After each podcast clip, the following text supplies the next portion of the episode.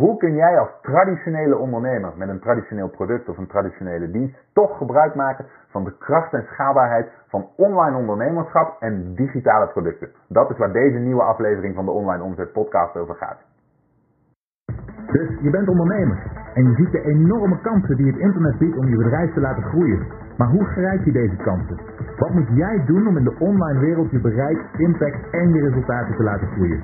Mijn naam is Michiel Kremers en in deze podcast neem ik je mee achter de schermen in een modern, hardgroeiend online bedrijf en dan jij het antwoord op de vraag hoe worden kleine ondernemers groot? Hallo, mijn naam is Michiel Kremers. Welkom bij een nieuwe aflevering van de Online Omzet Podcast. In deze aflevering wil ik graag een opname met je delen die ik een tijdje geleden heb gemaakt van een Q&A-sessie met een aantal van mijn deelnemers. Waarin het ging over wat je nu kunt doen als je een traditioneel bedrijf hebt. Een brick-and-mortar business, zo gezegd. En hoe je ervoor kunt zorgen dat je bij een non-digitaal offline product toch gebruik kunt maken van de digitale varianten daarvan en de schaalbaarheid en de bereikbaarheid van internet. En daar is een kleine omweg voor nodig, daar moet je een beetje voor omdenken. En hoe je dat precies aanpakt, daar ging die sessie over. En ik denk als jij een traditionelere ondernemer bent in een branche die nog niet helemaal digitaal is of niet zo gemakkelijk digitaal kan gaan, dat deze sessie heel erg waardevol voor je kan zijn. Dus ik wil hem graag met je delen. Laten we snel gaan kijken. Zoals ik al aangaf in de aankondiging afgelopen week, wilde ik het vandaag gaan hebben over digitale producten. En voor mij is digitale, zijn digitale producten zijn een gegeven. Mijn, uh, mijn hele ondernemerschap bestaat zo goed als uitsluitend uit digitale producten. Dat is waarop ik me altijd heb gefocust. Dat is ook altijd mijn, uh, mijn filosofie geweest bij het ontwikkelen van een, een modern online bedrijf. Is dat niet zo, uh, niet zoveel voordelen heeft in de wereld van ondernemerschap als iets wat schaalbaar is. Zonder dat daar extra mankracht aan te pas komt. En dat is natuurlijk uh, het meest waar bij een digitaal product. Dat is waarom ik dit altijd aanbeveel. En daar krijg ik dan soms de, uh, de reactie op of de vraag op van, van sommige ondernemers die niet in digitale producten zitten, maar in fysieke producten of in fysieke diensten. Dat ze, uh, dat ze, dat ze zich afvragen hoe dat dan voor hun relevant kan zijn. Hoe dat dan voor hun geldig kan zijn. Um, dat is waar ik vandaag even op in wil gaan. Want in mijn ogen geldt het namelijk voor zo goed als iedere markt, zo goed als ieder type bedrijf, dat je, een, dat je een voordeel kunt doen met digitale producten. En ik heb er gisteren toevallig even mijn hoofd over zitten breken van, goh, voor welke markt zou dit nou niet gelden? En toen kwam ik op een gegeven moment op, uh, nou, misschien de fossiele brandstoffenmarkt of de, um, of de, of de uh, grondstoffenmarkt. En zelfs toen dacht ik bij mezelf, ja, zelfs daarvoor geldt dat als je een bepaald marktsegment aanspreekt en je kunt in dat marktsegment meer um, begrip ontwikkelen voor jouw, uh, jouw, jouw productieproces. Bijvoorbeeld, hè, stel je bent, een, je bent Shell en je boort naar gas in Rusland. Uh, zelfs dan kan het nog zo zijn dat als jij grote afnemers hebt, bijvoorbeeld raffinaderijen, hè, misschien is olie dan een beter voorbeeld. Bijvoorbeeld raffinaderijen die jouw product afnemen van jou in hele grote tankers. Misschien is het dan wel interessant als jij een digitaal product ontwikkelt, waarbij jij jouw potentiële klant, jouw potentiële doelgroep uh, leert hoe zij het productieproces van en het raffineren van olie of gas op een efficiëntere manier zouden kunnen doen, waarop ze een, waardoor ze een bepaald percentage uh, marge kunnen verhogen, waarop ze op een bepaalde manier hun verdiensten kunnen, kunnen verhogen en uh, uiteindelijk hun bottom line ten goede komen. Als je als partij als Shell zoiets zou ontwikkelen en je zou dat aanbieden aan die markt, dan zou dat interessant zijn en dan zou je dat kunnen verkopen. Nou, nogmaals, daarbij wil, dan wil ik niet zeggen dat Shell zich nu moet gaan storten op digitale producten in plaats van olie en gas. Hè. Nogmaals, dat is niet wat ik hiermee wil zeggen. Maar ik kan me geen markt bedenken, bijna niet tenminste. Pardon. Ja, het hoestje is er nog steeds hoor. Um, kan me bijna niet uh, een markt bedenken waarbij een digitaal product geen voordeel zou hebben. Oké, dus uh, nou, dat is de reden dat ik daarop in wil gaan. Nou, waarom zie ik een digitaal product nu als zo'n goede aanvulling op een bedrijf wat al fysieke producten of fysieke diensten heeft? Ik had het laatst met iemand over, um, nou ja, misschien is een beter voorbeeld waar ik, vorige week al, al over, begon, want anders dan, uh, dan krijg je zoveel verschillende uh, voorbeelden en markten. Maar neem bijvoorbeeld die, die hovenier, hè, waar we het vorige week over hadden. Stel jij bent tuinman, je bent hovenier, of je hebt een aantal tuinman in dienst. Dat is een hele concrete, hele fysieke dienst. Mensen komen naar een tuin of een parkje of een, iets, iets buiten en gaan dat onderhouden. Doen daar uh, snoeiwerk, harken daar onkruid weg, schoffelen, planten nieuwe dingen, plukken uitgebloeide dingen weg enzovoort. Heel concreet, heel fysiek. Hoe, hoe koppel je daar nou een, een, digitaal product aan? Nou, als je daarover na gaat denken, dan geldt daar hetzelfde als bij Shell.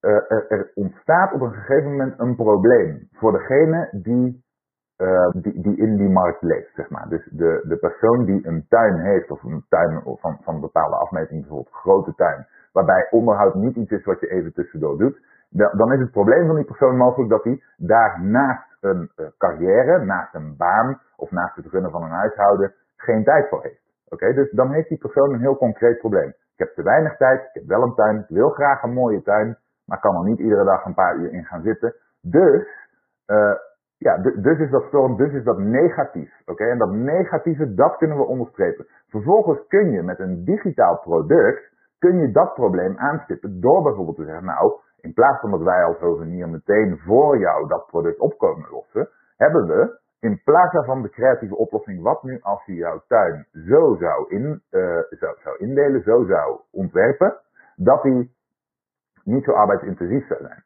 Oké? Dan kun je dus een digitaal product ontwikkelen waarbij je aan de, de tuineigenaar leert hoe hij kan kiezen voor bepaalde type planten, voor bepaalde type bodembedekkers, voor bepaalde soorten grind, voor een bepaalde manier van het hebben van een gazon. Waardoor hij, als hij dat heeft toegepast, daarna nauwelijks meer werk heeft aan zijn tuin. Oké, degene die zit met dit probleem zal dan gevoelig zijn voor de marketingboodschap dat na het consumeren van dat digitale product, van dat stukje teaching, dat zijn probleem dan weg is. Even los van in hoeverre die dit toepast, waar het om gaat is dat je het probleem kunt aanstippen. Oké? Wat we heel vaak zien is dat mensen die uh, digitale producten kopen, daarvan is het maar een, een klein, dat zijn in de, in de meeste gevallen is dat teaching. En het, zijn vaak maar, het is vaak maar een klein percentage van de doelgroep die dat stukje teaching ook daadwerkelijk toepast. Dat zien we bijvoorbeeld bij mijn producten precies zo. Er is maar een klein percentage van de ondernemers die ook echt uit dat hout gesneden is dat ze aan de gang gaan, al het materiaal doorwerken, het ook nog toepassen en dan ook nog bij blijven schaven tot het werk. Dat is een klein percentage. Maar wat je wel ziet, is dat degenen die het niet toepassen, zich wel bewuster worden van het probleem dat ze hebben. En in, helemaal in het geval van bijvoorbeeld fysieke producten en fysieke diensten is het dan zo dat als mensen zich meer bewust zijn geworden van het probleem wat ze hebben, dan worden ze daarna meer ontvankelijk voor jouw meer premium, uh, zeg maar, done for you oplossing, als ik het zo mag noemen. Dus, dan kom ik bij dit schemaatje. Normaal gesproken heb je dan als dienstverlener of als uh, van een fysiek product, heb je één hoofdconcept. Hè? Dat is een, eh, een, een duurdere oplossing, zoals in het geval van een hovenier bijvoorbeeld, een jaarcontract waarbij die heel jouw tuin onder handen gaat nemen. Dat is een duur product. Daarvoor moeten mensen een hoger bedrag neerleggen. Dus dat is niet iets wat je als je het koud op het dak gooit van een websitebezoeker of via een advertentie promoot, is niet iets waarbij je heel veel resultaat mag verwachten. Kijk, als iemand voor een jaarcontract meteen 1000 euro moet neerleggen, dan, dan zullen ze niet in de rij staan als daar niet iets van marketing voorwerk voor zit. Oké? Dus, dus dat is heel logisch, toch? Dit zal voor niemand een verrassing zijn. Als jullie nu een hovenierscontract voor 1000 euro gaan promoten op internet en je stuurt naar de pagina waarop je dat aanbiedt uh, verkeer via advertenties, dan is de kans dat je daarop meteen succes bereikt niet zo groot, toch? Oké? Iedereen hier begrijpt denk ik waarom we beginnen met een instapproduct, waarom we daarna een upsell hebben en waarom we op de lange termijn terug blijven komen bij die dingen, toch?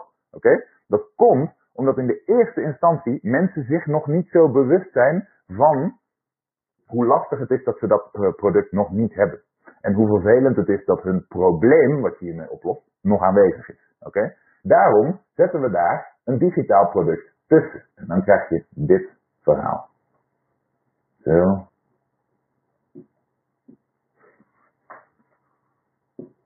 Digitaal product. En dit is minder prijzig. Wat gebeurt er nu? Die advertentie en die bezoekers aan die website, die worden niet geconfronteerd met een heel duur product. Die worden geconfronteerd met een hele eenvoudige, laagdrempelige oplossing die spreekt over het probleem wat ze hebben. Die spreekt over waar ze last van hebben. Namelijk een tuin die overwoekerd raakt, een lelijk uitzicht uit het raam, het feit dat in de tuin werken heel veel tijd kost, het feit dat het allemaal niet leuk is en lastig is, het feit dat, misschien ook wel belangrijk, dit uitbesteden duur is. Dus misschien is het wel een beter idee om, om, deze slimme digitale oplossing toe te gaan passen. Oké, dat is wat er gecommuniceerd wordt. Als je dat communiceert via advertenties en via je website, dan is de kans dat daar mensen op ingaan is groter. Nou, in plaats van dat je hier een heel duur product promoot waar je misschien net 1% conversie uithaalt, meestal is het afhankelijk van de prijs nog lager dan dat, haal je hier misschien wel 10%, misschien wel 20% conversie uit aan mensen die dat digitale product gaan consumeren. Oké? En het doel hiervan is dan dat mensen zich gaan realiseren, wacht eventjes, met een klein beetje halfbakken werk kom ik er niet. Uh, in het geval van, de, van, die, van die hovenier, in het geval van die tuinman, met, uh, met, een, met een eenvoudige uh, tuin is mijn huidige probleem niet opgelost. En eigenlijk ben ik toch te lui om heel die tuin om te gaan gooien. Dus ik ga dat helemaal niet doen. Maar in de tussentijd heb ik wel een heel digitaal product geconsumeerd. In de tussentijd ben ik hierover gaan nadenken. In de tussentijd heeft alle marketing hieromheen ervoor gezorgd dat dat probleem bij mij top of mind is. Dat ik de hele tijd bezig ben geweest met mijn tuin, mijn tuin, mijn tuin, mijn tuin. Oké? Vervolgens is op basis hiervan hebben wij natuurlijk de contactgegevens van die doelgroep gevangen. Dus hebben we e-mail marketing. Dus met het verstrijken van de tijd worden de mensen, zo, dit zijn e-mailtjes, hoppakee, worden de mensen herinnerd door jou aan het feit dat dit probleem heel vervelend is. En dat jij er een premium oplossing voor hebt. Namelijk een jaarcontract bij jou als hovenier, waarbij jij iedere keer die tuin helemaal onder handen komt nemen, te grazen komt nemen. En waarbij dat hele probleem wat mensen hebben, als sneeuw voor de zon verdwijnt, dus hoeven niets meer te doen. Oké? De trap die je, uh, de, de trap die je doorloopt, de, de treden die je, die je oploopt in een value ladder, in een waardeladder, zijn dat je begint bij dat alle verantwoordelijkheid bij de klant ligt en dat jij alleen informatie verschaft. Oké? De volgende trap is dat je een stukje van de verantwoordelijkheid wegneemt door betere begeleiding en een stukje persoonlijk contact. En de volgende overtreffende trap is dat je het uit handen neemt. Dan heb je het over dienstverlening. Oké? Als je kijkt naar fysieke producten, dan gaat het er puur om dat jouw digitale product, wat als instapproduct functioneert, ervoor zorgt dat er een ontzettend dikke streep wordt gezet onder uh, het probleem wat opgelost kan worden met, met jouw fysieke product. Oké, Dat is het, het, eigenlijk het doel van, van dat instapproduct. We willen ervoor zorgen dat degene die niet een echte doe-het-zelver is, die niet, uh, ja, in het Engels hebben ze daar een mooie term voor, maar scrappy is, dus die het niet met het absolute minimum wil gaan oplossen, dat die uiteindelijk zich gaat realiseren dat jouw premium oplossing, of in dit geval jouw premium product, dat dat uh, ideaal is. Dus, uh, nou, ik heb, ik heb bijvoorbeeld nog een voorbeeld hiervoor. Ik heb twee weken geleden een um, gesprek gehad met een leverancier voor hele grote, hele dure, hele complexe sneeuwmachines. Oké? Sneeuwschuifmachines. Uh, en dat zijn apparaten die zijn bedoeld voor bedrijven met grote terreinen, grote uh, industriële terreinen, parkeerterreinen, dat soort dingen, die sneeuw vrijgemaakt moeten worden in koudere klimaten of die ijs vrijgemaakt moeten worden. En daar ging het om, um, hoe, hoe, lever je, hoe, hoe market je zoiets nou en hoe doe je dat? En ook daar heb ik als suggestie gegeven om te beginnen met een digitaal product. En, en nou, ik werd aangekeken als, als, als, bij heldere. Hoe kun je nou weer een, een digitaal product gaan maken terwijl ik een fysieke machine verkoop die ook nog heel specifiek voor een bepaald type bedrijf is met een heel concreet probleem waar in hun ogen geen andere oplossing voor is. Oké? Een heel groot bevroren parkeerterrein. Dat is uh, of een, een heel groot ondergesneeuwd parkeerterrein. Oplossen met een digitaal product gaat je niet lukken. Ja, dat denk je. Totdat je mindset wordt dat je met je digitale product wil bewijzen hoe belangrijk het is dat dat probleem uit de weg wordt geruimd. Oké, Als je daarover gaat nadenken hoe je dat kunt bewijzen met je instapproduct, dan wordt het um, veel eenvoudiger om dit te bedenken. Nou, wat blijkt? Sneeuw en ijs is heel goed te, uh, te counteren, te bestrijden met chemicaliën en met, uh, nou ja, goed, wat we allemaal bijvoorbeeld kennen is pekel hè, tegen ijs. Um, dus dat, soort dingen. Maar je hebt ook chemische oplossingen, dat zijn een soort, uh, ja, dat is een soort vloeistof. En die sprayen ze dan over, over, de, over de grond heen. En daardoor ontdooit het sneeuw smelt meteen. Het wordt een beetje smerig, het wordt een vies goedje, maar het is wel meteen weg. Oké? Dus uh, nou, dat spul, dat kun je vrij eenvoudig zelf maken. Voor grote industriële uh, bedrijven is dat niet zo heel ingewikkeld. Die bestellen wat, wat, wat ingrediënten en dan, dan kunnen ze dat door hun door hun, maintenance crew laten doen. Oké? Dus wat je doet is in een digitaal product verkoop je het proces om dit te doen. Dus je verkoopt, bij wijze van spreken, het probleem. pardon. Het probleem. Een groot bevroren ondergesneeuwd terrein. En je, en je verkoopt dan het concept. Hoe kan jouw maintenance crew dit sneeuw en ijs vrij krijgen uh, in, uh, in, in zeg maar een paar uur tijd direct na een sneeuwbui of een, of een, een, een heftige nachtvorst. Oké? Nou, en dan vervolgens ga je uitleggen van oké, het enige wat je hoeft te doen is zorgen dat je die en die en die ingrediënten uh, bestelt met regelmaat. Dus in het winterseizoen bestel je die en zorg je dat die iedere week binnenkomen. Vervolgens moet je dit en dit product met elkaar mengen. Vervolgens heb je een, uh, hoe dat, een, een, een, een, pompje nodig om het te, te sprayen. En vervolgens moet één persoon de verantwoordelijkheid krijgen om dat elke dag te doen. Oké? Heel simpel. Nou, dat soort dingen. Dat is een, een, een, een klein en simpel voorbeeld van een, een, een oplossing die je kunt digitaliseren. Wat je dus doet, is je legt de verantwoordelijkheid volledig bij de klant.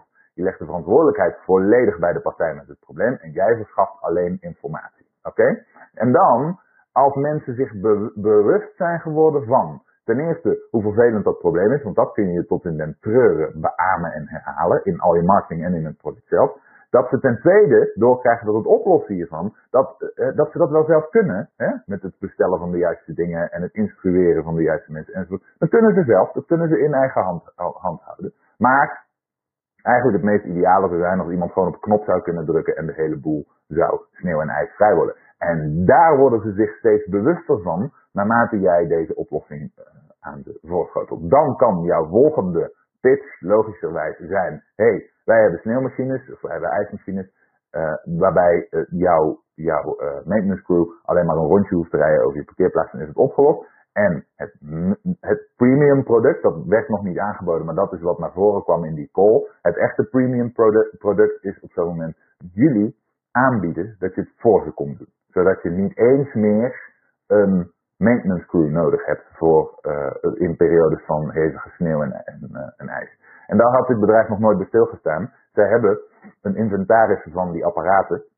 En die apparaten, dat is niet hetzelfde als bij auto's. Die apparaten die hebben een, een afspraakperiode waar zegt. Dus wat zij um, gedaan hebben, is zij hebben simpelweg drie van die apparaten nu gereserveerd om eens in de zoveel tijd als een klant, uh, als een premium klant binnenhalen, om daar iemand naartoe te kunnen sturen met zo'n apparaat om dat te gaan doen. Dus het is een, een, een bedrijf wat in één staat in de Verenigde Staten werkt. Dus dat is voor hun uh, qua reisafstand goed te doen.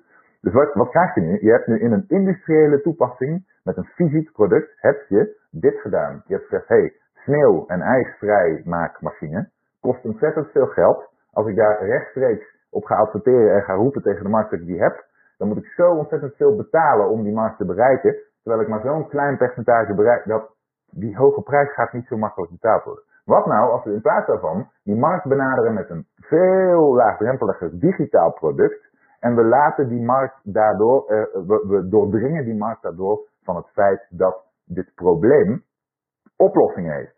Oké, dat het oplossingen heeft die niet eens zo heel ingewikkeld zijn. En daarna komen we achter van ja, oké, ze zijn niet zo ingewikkeld, maar ze zijn wel arbeidsintensief en, ze zijn, ze, ze, en het moet wel geregeld worden en er gaan wel uren in zitten enzovoort enzovoort. Dus wat, uh, wat we echt willen is ons bezighouden met onze core business en dat niet het, het ijs vrijmaken van onze parkeerplaats en dat niet het, het sneeuw, uh, sneeuwvrijhouden van, van onze aanrijroutes en dat niet ervoor zorgen dat ons privéperron waar onze kolen op aankomen in, bij onze raffinaderij uh, ontvoren wordt. Oké, dus dat, dat, zijn, dat is niet onze core business. Onze core business is die, die, die grondstoffen veranderen in ons eindproduct. Dus daar moeten we mee bezig zijn. Al het andere willen we het liefst uit de weg ruimen. Dus zo'n contract, hè, waarbij, dat is dan de hoogste tier, waarbij dit bedrijf het voor je komt doen. Dat kan soms over miljoenen gaan. Dat kan een miljoenencontract zijn. In het meest extreme geval. Oké? Dan leggen ze het vast voor bijvoorbeeld 10 jaar. En dan garanderen ze dat uh, productie niet stil komt te liggen door, door sneeuw en ijs. Dit soort garanties worden dan gegeven. Daar, daar worden gewoon verzekeringen voor afgesloten.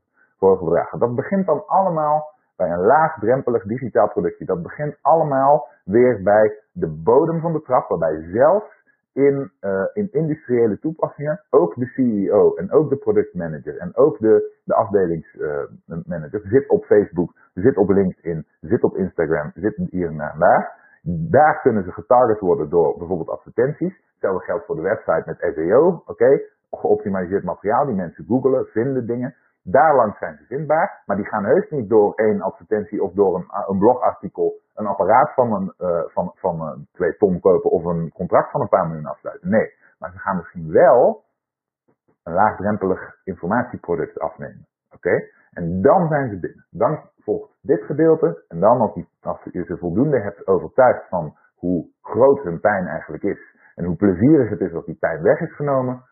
Dan komt de genadeklap. Dan komt het echte aanbod. Dan komt het echte product. Dan komt de core business. En dan komt de echte markt. Nou, wat zie je nu? Bij heel veel van dit soort bedrijven. Mensen die een, een, een, een, een premium, high-end, ofwel fysiek product ofwel fysieke dienst leveren. Zie je vaak bij de succesvolle bedrijven dat uh, de continuïteit van het bedrijf, het overleven van het bedrijf, vaak afhangt van een paar ontzettend grote klanten. Oké? Dus ik zeg maar wat. Stel dat jij uh, een, een, stuk land hebt in het Midden-Oosten en jij pompt daar olie op. Oké, dus dan, ben jij eigenaar van dat land en dan pomp jij olie op. uh, als jij die olie verkoopt aan bijvoorbeeld BP, dan heb je eigenlijk maar één klant. Oké? Dit zie je heel vaak op deze manier gebeuren. Als je um, ook verzekeringen, zakelijke verzekeringen bijvoorbeeld. Je hebt verzekeringsmaatschappijen die uh, verzekeren ondernemers, zoals wij. Maar de echte omzet komt uit het feit dat ze twee of drie contracten hebben met multinationals, waarbij ze alle personeel mogen verzekeren. Oké? Die twee of drie contracten, die zorgen er uiteindelijk voor dat uh, de cijfers in het groen zijn, dat ze grote winsten draaien, dat ze personeel aan kunnen nemen, dat ze meerdere kantoren kunnen runnen enzovoort. enzovoort. Dat komt uit een paar grote klanten. Die paar grote klanten komen niet vanzelf binnen. Ergens, ergens begint dit proces. Ergens onderaan de bodem worden ze ontdekt. En je kunt niet met een advertentie of een website promoten dat jij uh, al het zakelijk verzekerwerk van een bedrijf als Philips op je kunt nemen. Oké, als je daar een Facebook ad of een Google ad voor runt, dan wens ik je heel veel succes en heel veel plezier. En dan is het wachten met een horloge tot je over de kop bent. Nou, dit is denk ik duidelijk. Hè? Dit, is, dit is duidelijk hoe uiteindelijk een laagdrempelig digitaal product voor zo goed als elke markt een aanwinst zou zijn. En mijn vraag aan jullie is nu eigenlijk in hoeverre jullie een digitaal product in de markt hebben en in hoeverre jullie een laagdrempelig digitaal product als eerste stap hebben ontwikkeld. Want als dat niet zo is, dan heb je eigenlijk de eerste stap van het traject uh, niet toegepast. En ik, ik, pak hem er meteen eventjes bij om dit concreet te maken. Even kijken of ik hem snel op kan roepen. Kijk, hier hebben we hem.